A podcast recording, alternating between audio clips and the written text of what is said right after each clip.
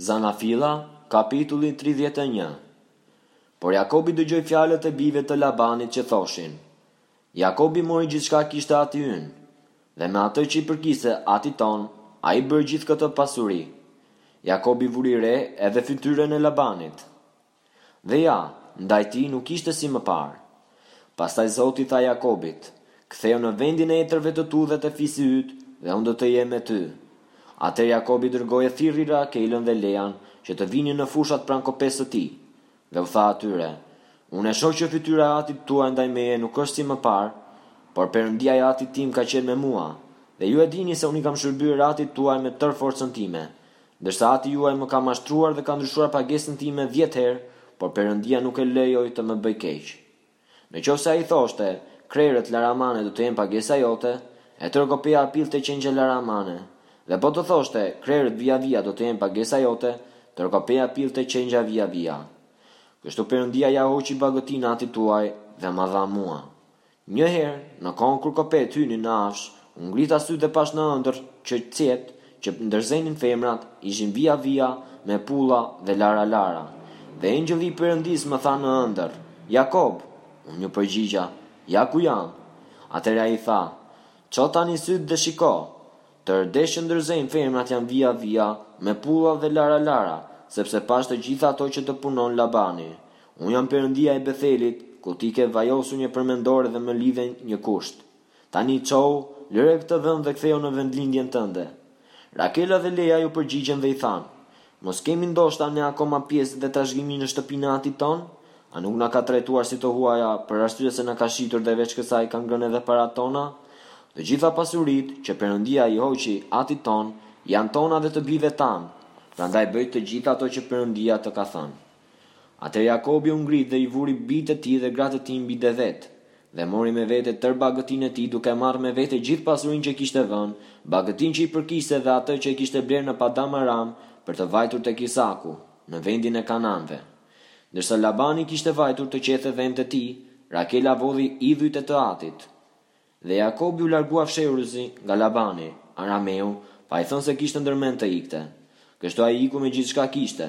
U ngrit, kaloi lumin dhe u drejtua për në malin e Galaadit. Ditën e tretë i treguan Labanit se Jakobi kishte ikur. Atëherë ai mori me vete vëllezërit e tij, e ndoqi shtatë ditë rrugë dhe e arriti në malin e Galaadit. Por Perëndia iu shfaq në ëndërr natën Labanit, arameut, dhe i tha, Ruhu e mos i fol Jakobit, as për të mirë e as për të keq. Labani arriti, pra, Jakobin. Tani Jakobi e kishte ngritur çadrën e tij në mal, dhe gjithashtu Labani dhe vëllezërit e tij kishin ngritur çadrat e tyre mbi malin e Galaadit. Atëherë Labani i tha Jakobit, Ç'bëre duke më mashtruar në këtë mënyrë dhe duke i marrë bijat e mia si robinja lufte? Pse ike dhe u largove nga unë fshehurazi pa më lajmëruar aspak? Unë do të të kisha përcjellë me gëzim dhe me këngë, me lodërza dhe qeste, dhe nuk më lejove të puth bijtë dhe bijat e mia. Ti ke vepruar pa mend! Tani unë kam në dorë t'ju bëj keq, por Perëndia i atit tënd më foli natën e kaluar, duke thënë, Ruhu, mos t'i flasësh Jakobit as për mirë apo për keq. Sigurisht ike, sepse kishe një dëshirë të madhe të ktheheshe përsëri në shtëpinë e atit tënd. Po pse vodhe perënditë e mia? Atëherë Jakobi iu përgjigj Labanit, Unë kisha frikë, sepse mendoja që ti mund të më merrje me forcë bijat e tua. Por kushdo qoftë ai te cili do t'i gjesh perënditë e tu, ai duhet të vdesë në prani të vëllezërve tanë. Kërko ti vetë ato që të përket tek unë dhe merre. Jakobi nuk e dinte që ato i kishte vjedhur Rakela.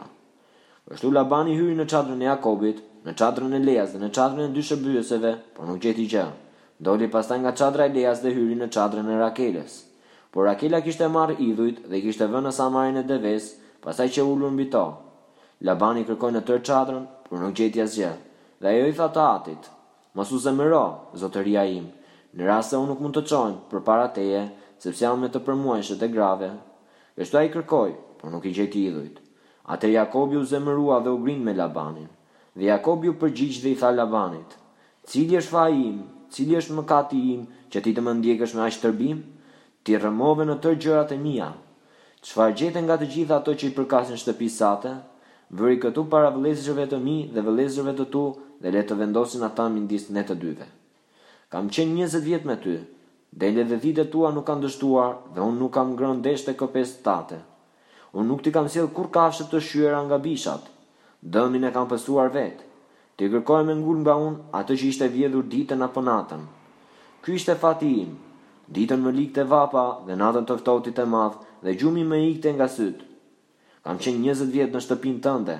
Të kam shërbyer katërmbëdhjetë vjet për dy bijat e tua dhe gjashtë vjet për kopenë tënde. Ti e ti e ke ndryshuar dhjetë herë pagesën time.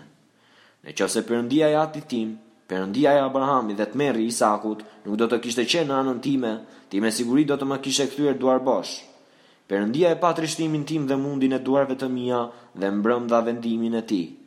Atëherë Labani u përgjigj dhe tha, Këto bija janë bijat e mia, këta bij janë bijtë e mi, këto kope janë kopetë e mia dhe gjithçka që zë syri është imja. Por çfarë mund t'u bëj sot këtyre bijave të mia apo bijve që ato kanë lindur? Prandaj eja të bëjmë një besëlidhje midis meje dhe teje dhe që ajo shërbeftë si dëshmi midis meje dhe teje.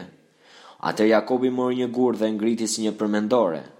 Pastaj Jakobi tha, u tha vëllezërve të tij, Mblidhni gurë. Dhe ata morën gurë dhe bënë një tog me ta dhe hëngrën bukë pranë këtij togu. Labani e quajti atë tog Jegar Sahadutha, ndërsa Jakobi e quajti Galed. Dhe Labani tha, Sot ky tog është një dëshmi midis meje dhe teje, prandaj u quajt Galed. Edhe Micpa, sepse Labani tha, Zoti të mos e ndajë syrin nga unë dhe ti, kur do të jetë e pamundur të shohim shoqi shoqin. Në rast se ti keqtrajton bijat e mia ose martohesh me gra të tjera, veç bijave të mia, edhe sikur të mos ketë asnjeri me ne, kujtohu që Perëndia është dëshmitar midis meje dhe teje. Labani i tha gjithashtu Jakobit, Ja, ky tog gurësh, dhe ja, përmendorja që kam ngritur midis meje dhe teje.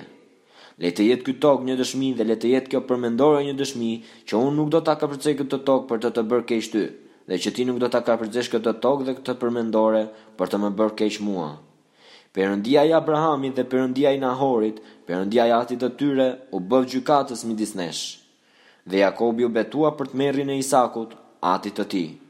Pastaj Jakobi bëri një fli në mal dhe i ftoi vëllezërit e tij të hanin bukë. Dhe ata hëngrën bukë dhe e kaluan natën në mal. Labani u ngrit herë në mëngjes, i puthi bijtë dhe bijat e tij dhe i bekoi. Pastaj Labani u nis dhe u kthye në shtëpinë e tij.